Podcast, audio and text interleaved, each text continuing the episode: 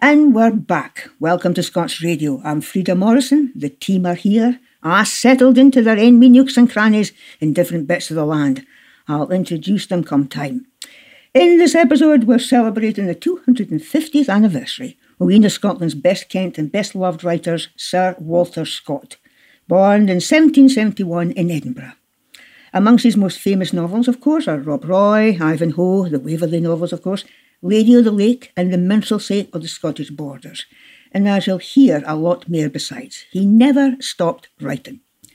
But we'll hear more about the man in a minute. Before we get any further, let me introduce the team in this episode. In Embra, in his B&B studios, the man that guides us through the waves. Come in, Richie Werner. Aye, aye. Hey, how we doing?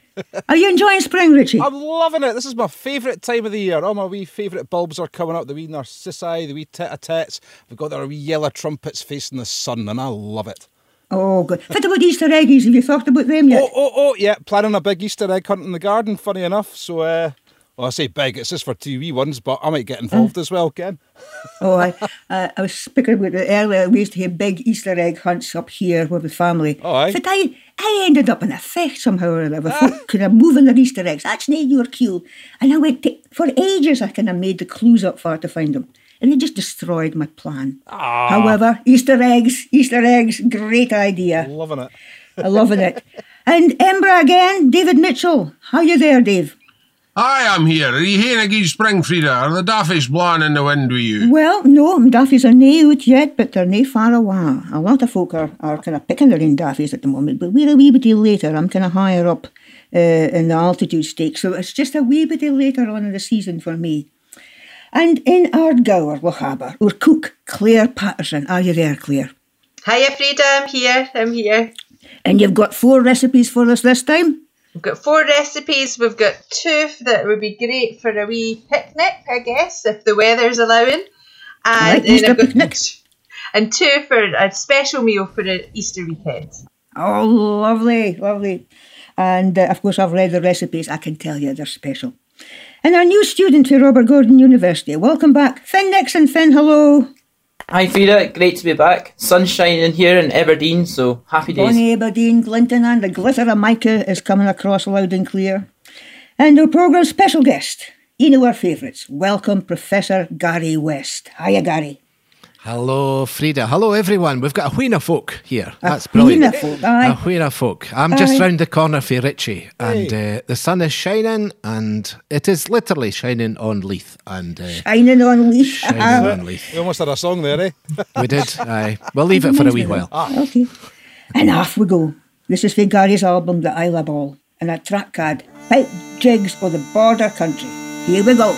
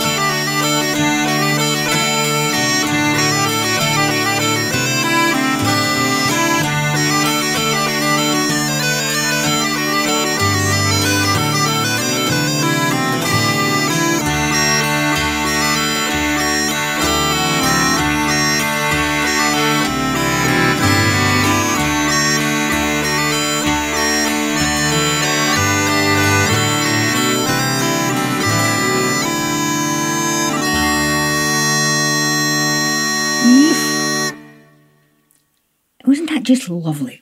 That was the Pipe Jigs of the Border Country. For the CD, the Islay Ball. For our programme guest, Professor Gary West. Gary, welcome again. Now, Pipe Jigs for the Border Country. Tell us more about that before we can go any further. For the William Dixon manuscripts. Yeah, yeah. I thought that would um, kind of fit in with the theme the day for the programme of Walter Scott because that's the kind of music he might just have been hearing when he was either living there at Abbotsford or when he was a wee laddie going down there to his grandfolks. And aye, so what happened was this this slightly mysterious guy called William Dixon, who seems to have grown up south of the border.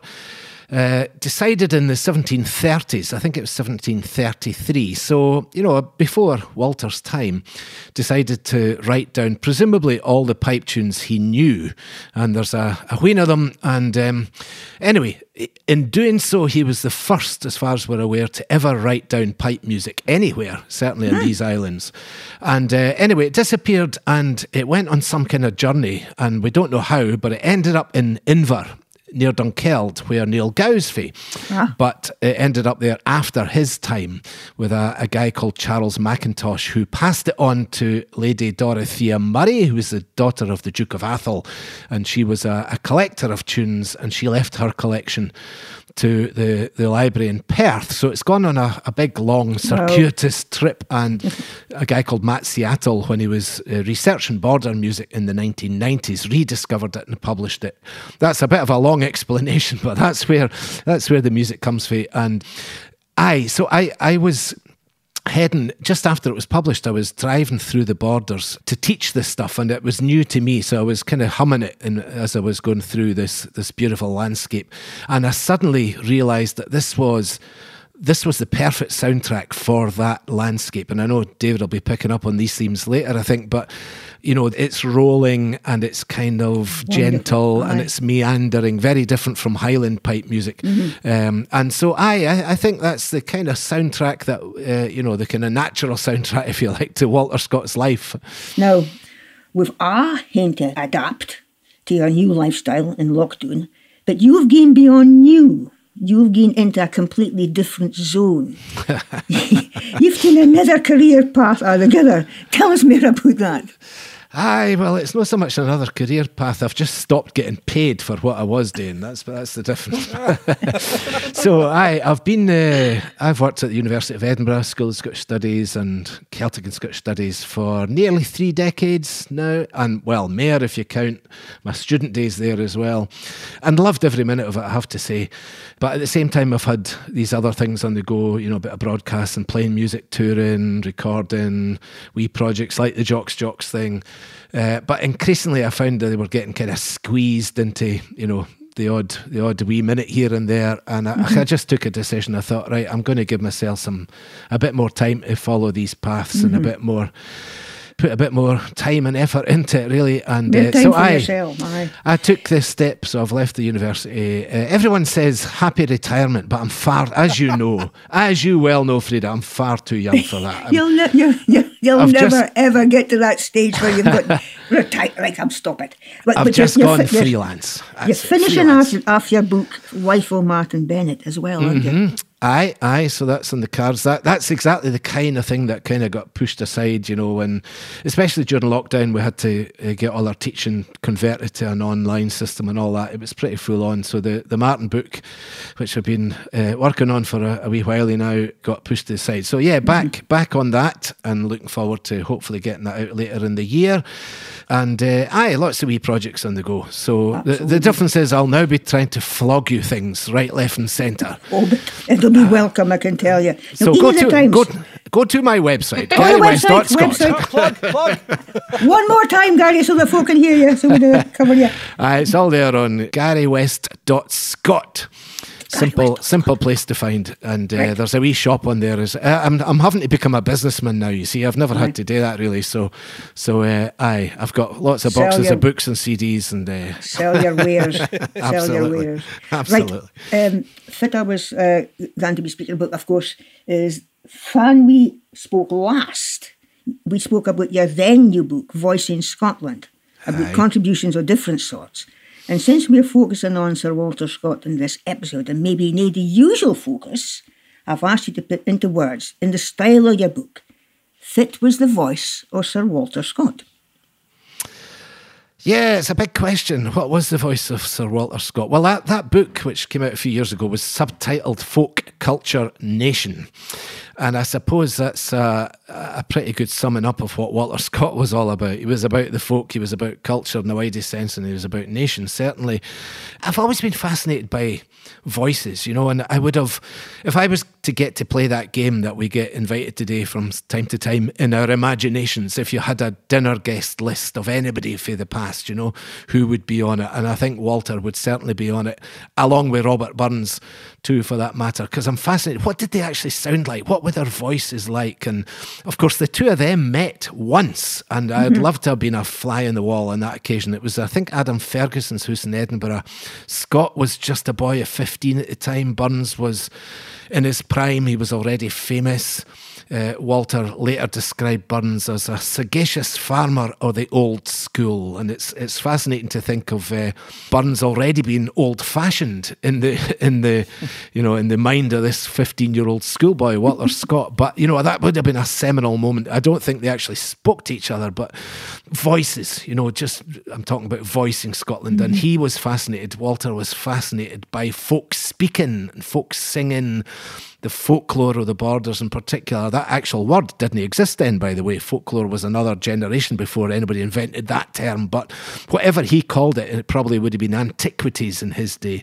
That oral tradition certainly fascinated Walter. And of course, as we know, he suffered from polio when he was wee and he was sent to the fresh air of Sandy Knowes near Kelso. That was where his, his granny and granddad lived. And it was his aunt Jenny, Jenny Scott, who taught him to read. And by all accounts, he just loved the kind of I don't know the melodious sound of her voice and and the the other local folk, and he just he just kind of drank in these these inflections of the local speech patterns and the rhythms and the vowel sounds and all of that. And of course, the stories that these voices were carrying, you know, telling and singing. And so I think for Walter at a very young age, it was the voices of the people and the culture these voices were actually carrying and passing on that seemed to help steer wee Watty to his life's purpose, you know, and, and mm. not just the folk of the borders, but of course the sound of the streets of Edinburgh too, where you know, he's he's cheek by jowl with the carters and the beggars and the street vendors and the robbers and everyone's together, you know, including the better off folk like Walter himself. So he was a kind of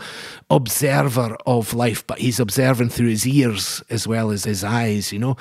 So aye, voices were, were central and of course he gave voice to to many many aspects of culture in so many different ways and and he started i suppose with the ballads you know the songs he was hearing the minstrelsy um, yeah, and that gave us the minstrelsy. Minstrelsy, of the Scottish border, 1802. So he'd be, what, in his early 30s mm-hmm. then. Mm. And all the classic ballads, you know, and, and some published for the first time. Sir Patrick Spens, the Twa Corbies, The Cruel Sister, Clerk Saunders, Johnny Armstrong, all, all, these kind of classic big ballads that folk are still singing now. And but he added, you know, he showed his hand early on because he added some modern imitations in there too, some by himself and some by others, and and so he's he's kind of piecing together all the different versions that he's heard, and he was he was criticised for doing that. Of course, we shouldn't forget that he he didn't have a clean run at the whole thing. You know, he was criticised for being unscholarly because rather than just giving the versions as he heard them, he he kind of picked and chose the the best bits and and made sort of new creations out of them, and that wasn't his done thing. But you know, did did he really care? I don't, I don't know. He gave us he gave us fantastic versions out of it. And the other person, of course, who criticised them was Margaret Laidlaw, she was the mother of James Hogg, the Ettrick Shepherd. I was surprised to hear that, but we were talking about that the other day. Aye, so she laid into him, you know, her friends, her son's friend. She, she said, I've got a note here somewhere of what she said. What was it? Aye, there were never any of my songs printed till ye printed them yoursel and ye spoilt them altogether. They were made for singing, no for reading, but you've broken their charm now. You know, he, he got a, a real earful for old Margaret. Course. Yes, pretty, course. pretty course, pretty course. Okay, Gary, can I stop you there because we've, we've a lot more to speak about. Well, I want to hear more about Queen Victoria, her involvement, of course, and, and, it, and the fact that he was the first marketing guru, but I think it's one want to hear another bit of your music.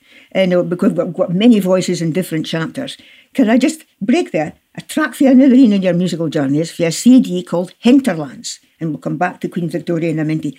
And you're doing this this this particular CD with your harp player Wendy Stewart, and this is a track for that album. Murdo Mackenzie, O'Torridon, and Gordon Cottage. Tell us about Gordon Cottage again, Gary. Gordon Cottage is the name of the house in Pitlochry I grew up in, and my mum and dad still stay in, and I wrote that for their golden wedding a few years ago. Ah, thanks, Gary. This is for Murdo and your folk. This is the great tune Murdo Mackenzie, O'Torridon, and Gordon Cottage.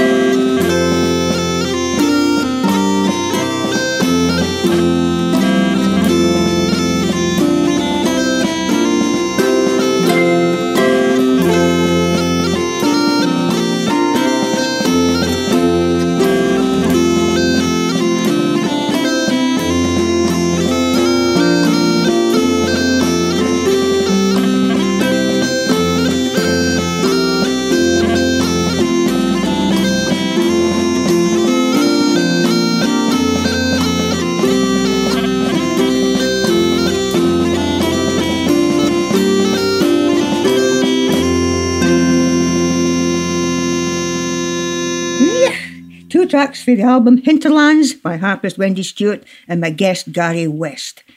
Now, as I said earlier, we are celebrating the 250th anniversary of Sir Walter Scott in this episode, and as our want, we thought we'd take a, a different route into Walter Scott's life and work, more about the man and the land. But before we get to Dave Mitchell to hear more about that, I want to go back to Gary to hear about the involvement of Queen Victoria in the life of Sir Walter Scott and how he influenced maybe some of our historical moments and landscape development. Back to you, Gary. Uh, we've just heard about how James Hogg's bum did him laldy, but he had fans, didn't he? Well, he definitely had fans, and Queen Victoria was chief amongst them, no doubt about that. So, I, I mean, Walter is. I've been, I suppose, focusing on that kind of oral tradition, but he was a voracious reader as well. There's no doubt about that, as Burns had been before him, to be fair. And Walter was, he was just a glutton for books and for reading anything at all, but particularly he was into these medieval romances and also the kind of modern German literature of the time. That was all the rage. So that was the latest thing really in, in Europe in, in the late 18th century in his early years. And he was, he was desperate really to try his hand at these kind of long, heroic poems himself, the kinds of things he was devouring. That, I suppose, led to his next phase after his ballads, which was having a go at that himself. So the likes of the of the Last Minstrel, then Marmion, and probably his greatest hit, the, as you mentioned a wee while ago, The Lady o' the Lake. And that was, it was just hugely successful. It's hard, I think, for us to understand now what an international star he was in his day. You know, when he was living in Castle Street in Edinburgh, folk used to queue up outside just to get a glimpse of this man. He was like a movie star, you know, and there's every time he wrote something, it was being translated into all manner of languages within weeks.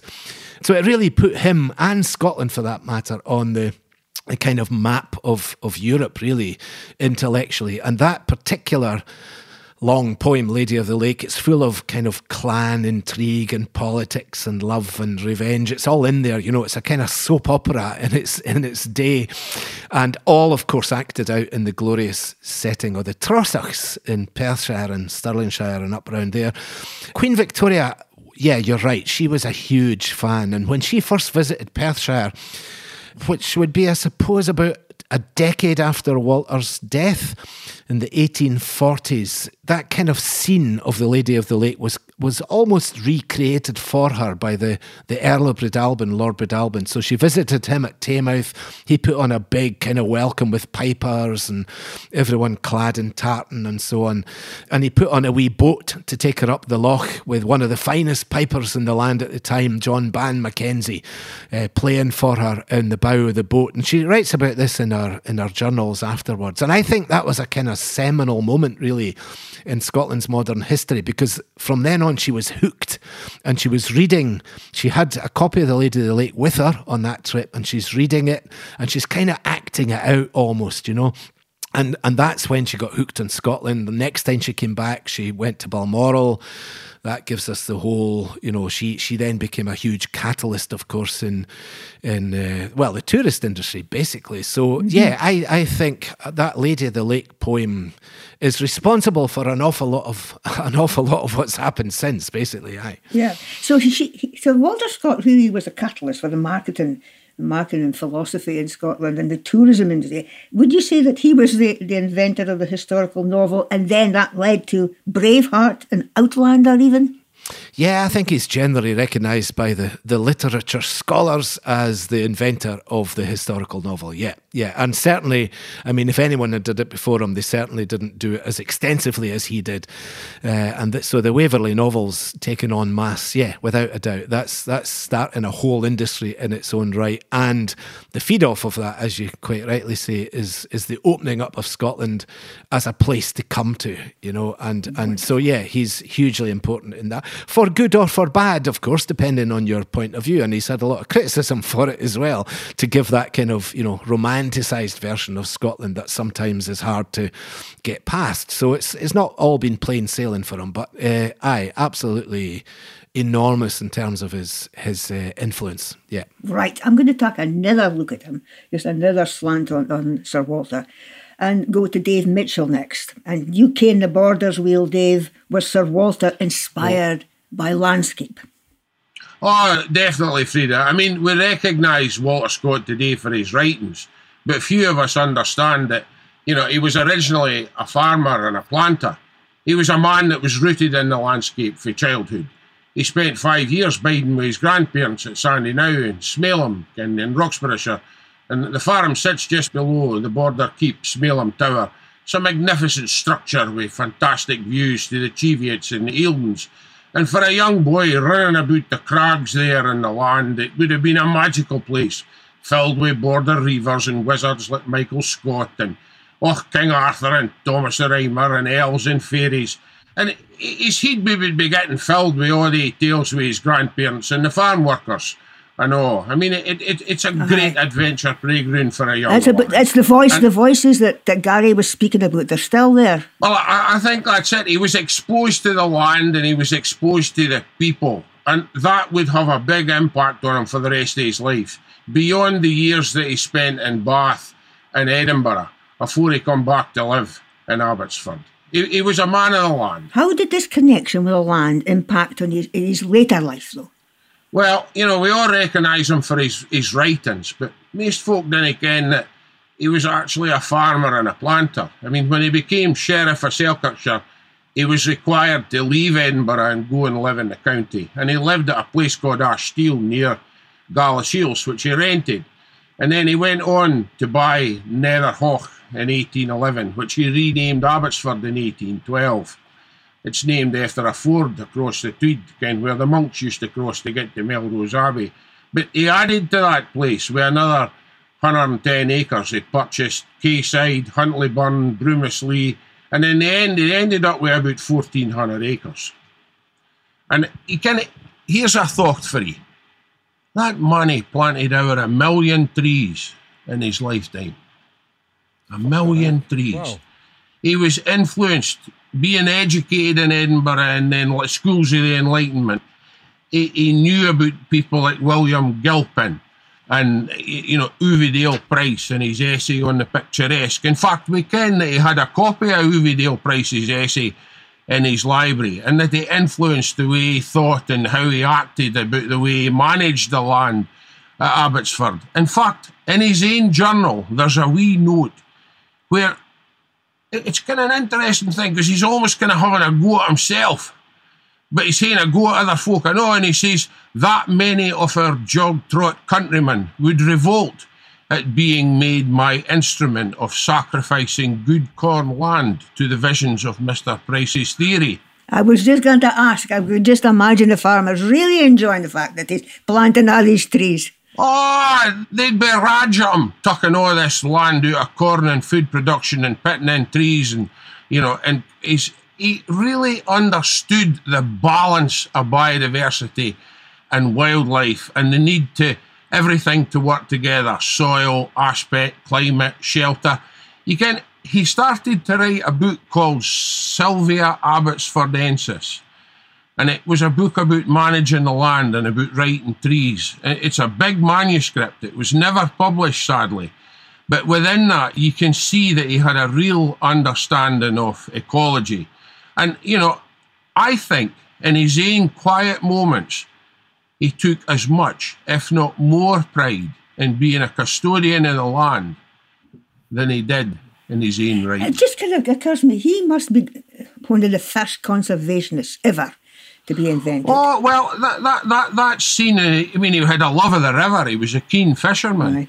And he felt a duty of care towards the river and its tributaries and he wanted to protect salmon stock and spawning grounds, and he knew the importance of trees in the vicinity of rivers for shelter and nutrition, and he understood that you had to have trees and woodlands if you have to have a healthy river system. And as a landowner and the Sheriff of Selkirkshire, he was a guiding hand, if not the catalyst, for the formation of the Tweed Commissioners, which was set up for the regulation and improvement of fisheries on the River Tweed. I mean, Sir Walter Scott was there was there's much more to the man than the romantic author that we see today. Much more. It's fascinating hearing about the man in the books, and there's more to come. And, and oh, yeah, there's more to come. But I'll, I'll, leave you for a minute. Finn, you're sitting quiet, listen to this. You know, in your generation, have you come across a lot today with Sir Walter Scott? Oh, I mean, the stuff I've heard so far is just fascinating, and I've got a wee few snippets here for you, Frida. Right. And as Gary mentioned, uh, Sir Walter did suffer from polio at a very young age, set away to a farm in the Scottish borders. Perhaps lesser known is that he also had a lame leg for the rest of his life. Hmm? Say that, so there was a lasting impact of that on him. Aye. Uh, as well as that, and I can't you were speaking about uh, Queen Victoria back there and Victoria visited Scotland in 1842.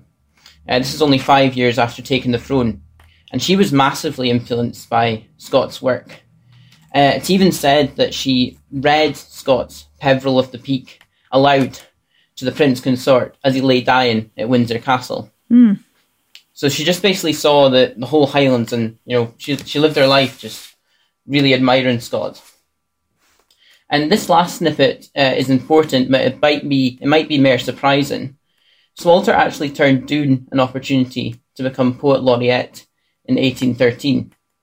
He'd been offered the role by King George IV, then referred to as the Prince Regent. More on him later. But it was around about this time that he also discovered a lost manuscript. And these 30 pages that he discovered would form the start of Waverley, which is, of course, the first of his famous historical novels. And that really was the time when he shifted over from poetry and really started his interest in writing novels. Of course, Waverley, uh, the story of the 1745 Jacobite Rebellion. Thank you, Finn. That was absolutely fascinating again. And um, uh, as I said, I've asked Finn to help out some Kent snippets and uh, a lot of maybe Nacy Wheel Kent. And thank you, Finn, for that. Our cook, Claire Patterson, is sitting quiet listening to this. Claire, mm. we're going to be joining you in your kitchen in a minute. But you are in the heart of the tourist industry, day for whose guests across the Lochaber. And you, you can, you, you're, you're seeing tourists come and go. Do you think that the folk that you're seeing coming to holiday in Scotland are still looking for the traditional image of Scotland, new translated into the outlander experience? Aye, Frida. I mean, I think when the when the guests are coming back and the tourists are coming back to the area, that is really what they're looking for. Um, you know, you've got the hills, you've got the wild glens, you've got all that iconic Scottish wildlife like the the eagles and the deer and the otters and red squirrels. And where I am, it's all everything's done fairly traditionally. So we've got you know the Highland ponies for the hill, we've got the Highland coos in the field. Um, this time of year, we've got all the wee baby Highland coos, so that's even even better. And when people come, you know, they want those traditional Scottish things. They want the sort of Scotland's larder from the hills, from the sea, from the river. And very much so, you're quite right. It is it is really what folk come for to this part of the world. Well, I suppose uh, at least to come, as, as some folks say, maybe we've we've gone a bit far in the tourist industry at the moment. We're in trouble, of course, with the numbers, and uh, you can't, far can help folk wanting to come to Scotland because it is such a beautiful country and fit a, fit a lot we have to offer. Thanks, Claire. We'll be back in your kitchen after this piece of music. Now, Neil Gow is another Enower celebrated Scots, the most celebrated fiddler of the 18th century.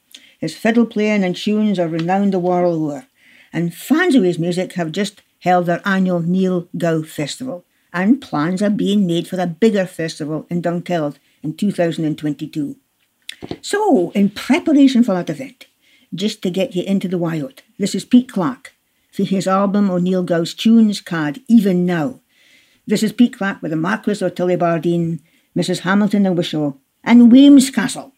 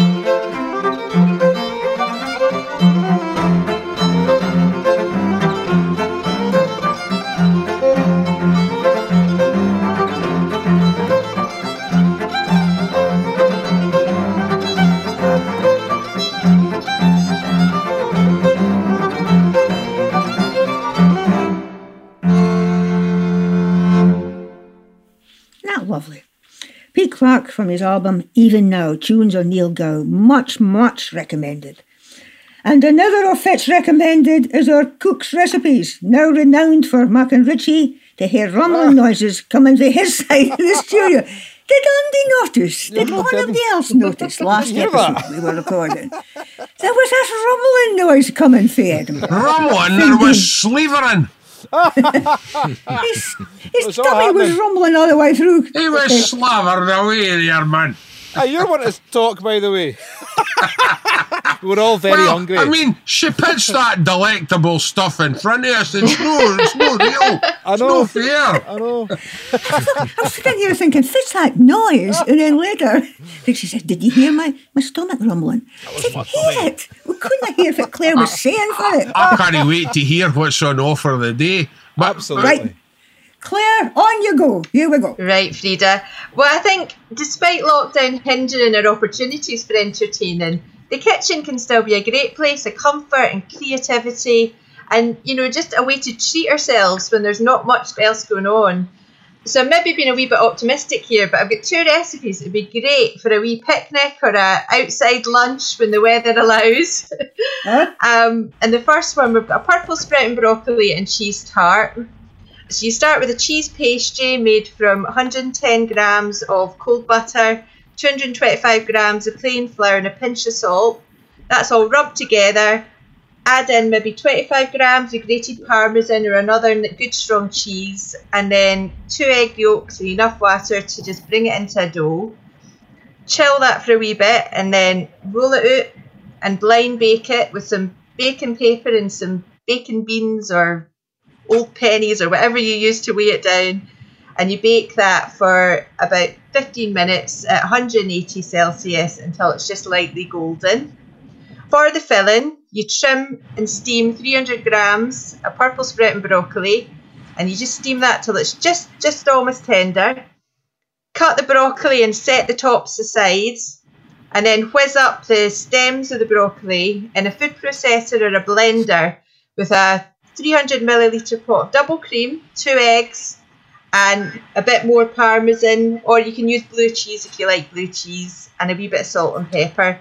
So that gives you a lovely, vibrant green custard.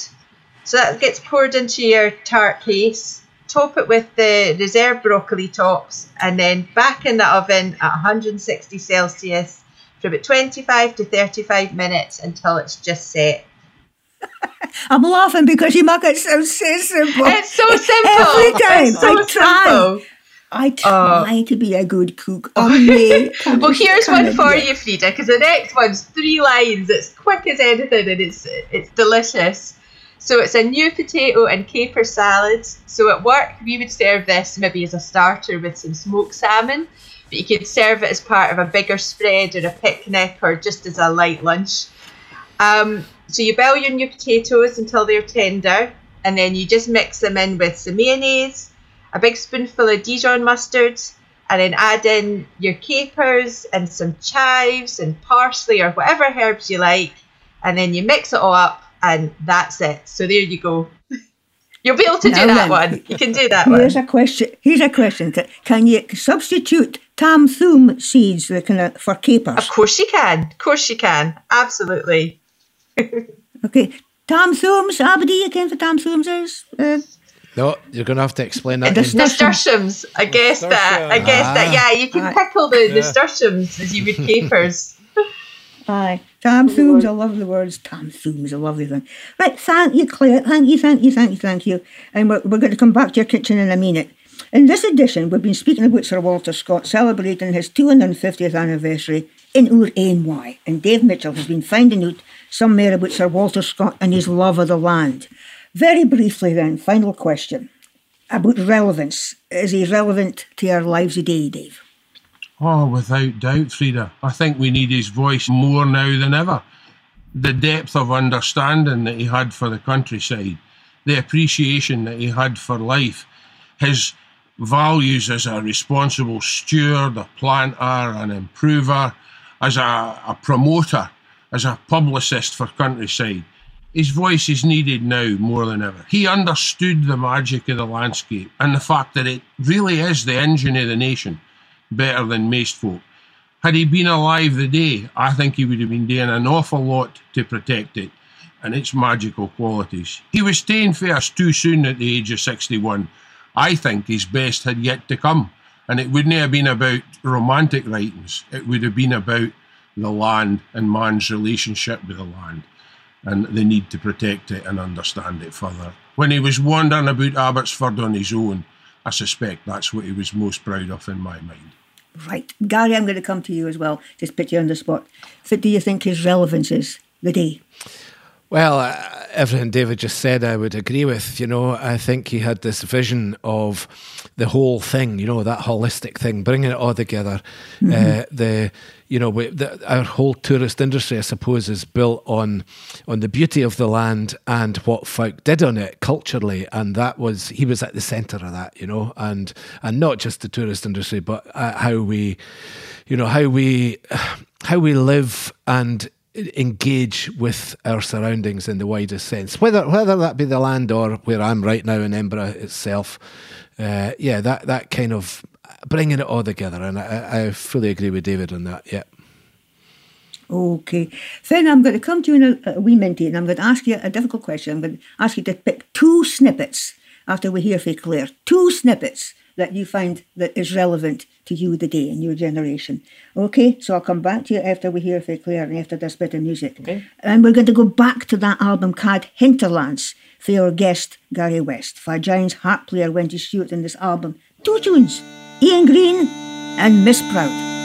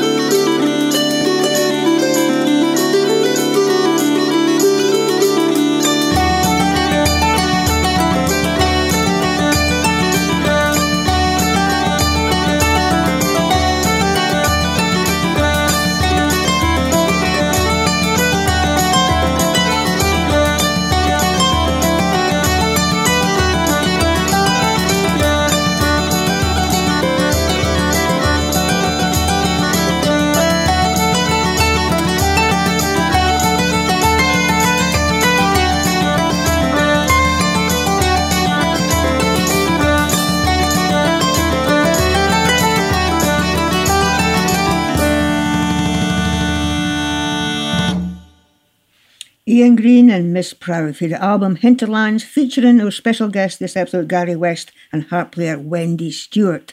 Now, before I go into Claire's uh, kitchen again, Finn, I've asked you to separate two snippets, two snippets that you think fascinating about Sir Walter Scott. What are they? Well, I think if in terms of my generation, of especially at the minute, there's definite worries about finances, and unfortunately, Sir Walter Scott did really go through some financial difficulties.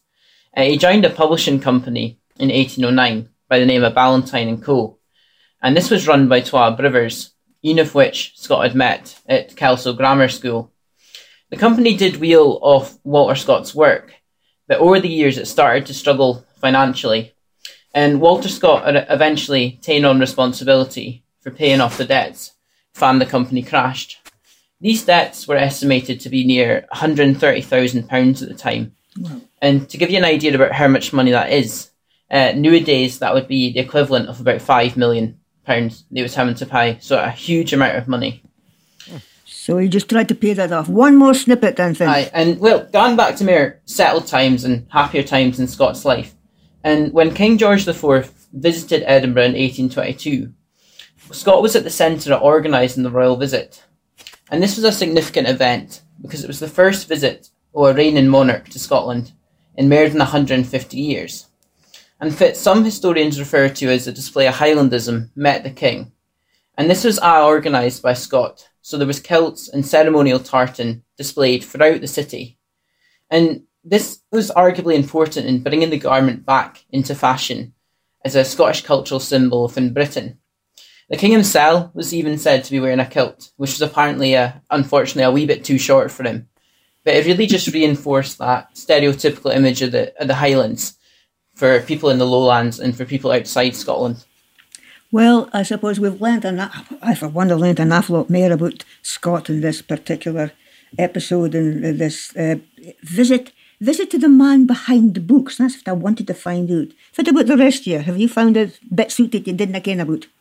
Well, I, I, think there's been I think there's been lots of insights there, Frida. You know, I, think that's one of the exciting things about what we do that you look at the world differently, and, and that's what Walter did.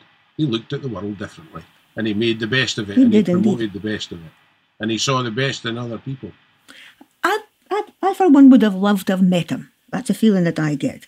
I think he would have been a fascinating companion to speak about, as you say, the landscape and fascinating companion to speak about folklore. And I was listening to you and Gary speak about his immense knowledge of what pixies and fairies and, and folklore. It's a, that's another fascinating He must have had a hugely in-depth mind, ferocious reader. Gary said he'd have liked a dinner with him and Burns. I think that would have been too much.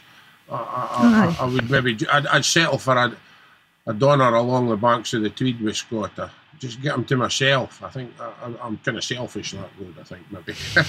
What about you, Gary? What would you have wished for if you'd been able to conjure up Scott in your life? Well, uh, as Dave said, yeah, uh, it's the mind, you know, the amazing mind, and he must have been an incredible person. And yeah, we were just chatting there during that bit of music about his. Dave was talking about his immense knowledge of the other world, you know, and and that whole cosmos, if you like. And of course, that was something that in those days everybody had to a certain extent. The imagined landscape. It's not just what you can see; it's what what lies behind what you think might be there and what you can't quite understand. So he was a kind of I don't know, portal to another world as well, and a world that everybody shared in and had different views about. So, yeah, that whole kind of superstitious element that comes out, as David said, in, in all of his work. I, I'm fascinated by that anyway. So, I, yeah, I'd hear a wee blether to him about that, I think. Right. Okay, back to the present. Back to fit, I suppose, uh, involves our minds and our bodies very much so in this programme. It is Claire's kitchen and the food she produces. We nip out to our guy to join her in our kitchen for the last two recipes. Claire, come in. Aye, Frida. Well, I mean, maybe we can't gather with loved ones this year the way we'd like to, but it's still nice to have something a wee bit special for for Easter. And I think what I'm loving in the garden is the the first green shoots are coming up, you know, of the new herbs and just that idea mm-hmm. of like new season, life coming back into the into the garden. So I use all those new herbs in a crust for rats of lamb. So to make the crust, you get your parsley and chives, wee bit of rosemary and thyme, and you mix them up with breadcrumbs, a wee drizzle of oil, and the zest of a lemon. Then for the lamb, you need sort of lamb racks that the skin's off and they've been French trimmed, which just means they cut all the wee bits out between the bones, and your butcher will do that for you, no bother. Season the meat, brown it very well in some oil just for a couple of minutes, and then you spread the meat side with a wee bit of mustard, press on the herb crust, and then into the oven, a good hot oven, 200 degrees for about 15 minutes, and then let it rest for five. And that will give you meat that's kind of blushing pink. But if you like it cooked right through, just a few more minutes in the oven or until the juices come out clear. And the crust there, that's great in fish as well. So if you're using it in a piece of fish, you just brush the fish with butter, press the crust on top, and then into the oven. And to finish off, we've got some baked rhubarb. So again, the first rhubarb's just starting to come out. Rhubarb, of course. First aye. rhubarb right, is so good, now. so nice. And when it's that lovely, tender, young rhubarb, I just toss the stalks chopped up with a wee bit of sugar, a wee drizzle of syrup from this jar of stem ginger, and just pop that in the oven until it's tender. As the season moves on and the rhubarb loses that really vibrant pinkness, I have been known to use a wee splash of grenadine in place of some of the sugar, which helps keep keep the colour to it, which is quite nice. Um, Lovely. and I feel that rhubarb and vanilla and ginger, those are all natural partners. And so a really good accompaniment and a really good pudding with that baked rhubarb is a simple panna cotta. So my recipe for that is 250 mils of whole milk, same amount of double cream, 75 grams of white sugar, and the seeds from half a vanilla pod, and a good pared piece of orange or lemon zest. So those get warmed up until the sugar's dissolved and it's almost come to simmer. And meanwhile, you soften two leaves of gelatin in cold water until it's nice and squishy. The cream mixture comes off the heat, in goes the gelatin, and then you just mix that through, strain out the vanilla pods and the zest, and then pop that into serving glasses or into wee moulds, which you just dip in hot water to turn out. And those will need maybe four hours to set, or just do them the day before, and you can set them overnight. I tell you what, though, Claire, you can't hear all that without new tatties and Exactly. butter. Simple as that, you know. Absolutely. Oh, new tatties and oh, butter. I, I say, listen to us all. You'd think we were never fed, you know. But it's just, wait, I wait for that silence when you're speaking. of her. I never get silence like that in my life when when I'm speaking. You know, Claire just tells it. I'm as it just wondering this, Richie, this this software we're using to communicate here, does it no do smell as well? Uh, Oh, I think that would be too much for us. Uh, the last episode, uh, we were threatening to come across the hard guy in the a programme for, for I, I was just Kitchen. I still about to say a lot. that, Frida, and I didn't want to be cheeky. No, I'm sure. I'm sure one day, one day you'll get to taste the food as well as hear it. That would be lovely. Right. That's it for another episode. Our thanks to our special guest, Professor Gary West. It has been a pleasure as usual, Gary, and heist you back. Please come back and join us I again. certainly will. Thank you. Thank you. Right, we finish with a tune called Doddie's Dream, recorded to support Doddie Weir and the My Name's Doddie 5 Foundation. That's raising funds to aid research into motor neuron disease. The idea was that of musician Bruce MacGregor, band leader of Blazing Fiddles, who wrote the tune. You can download the tune on the Blazers website.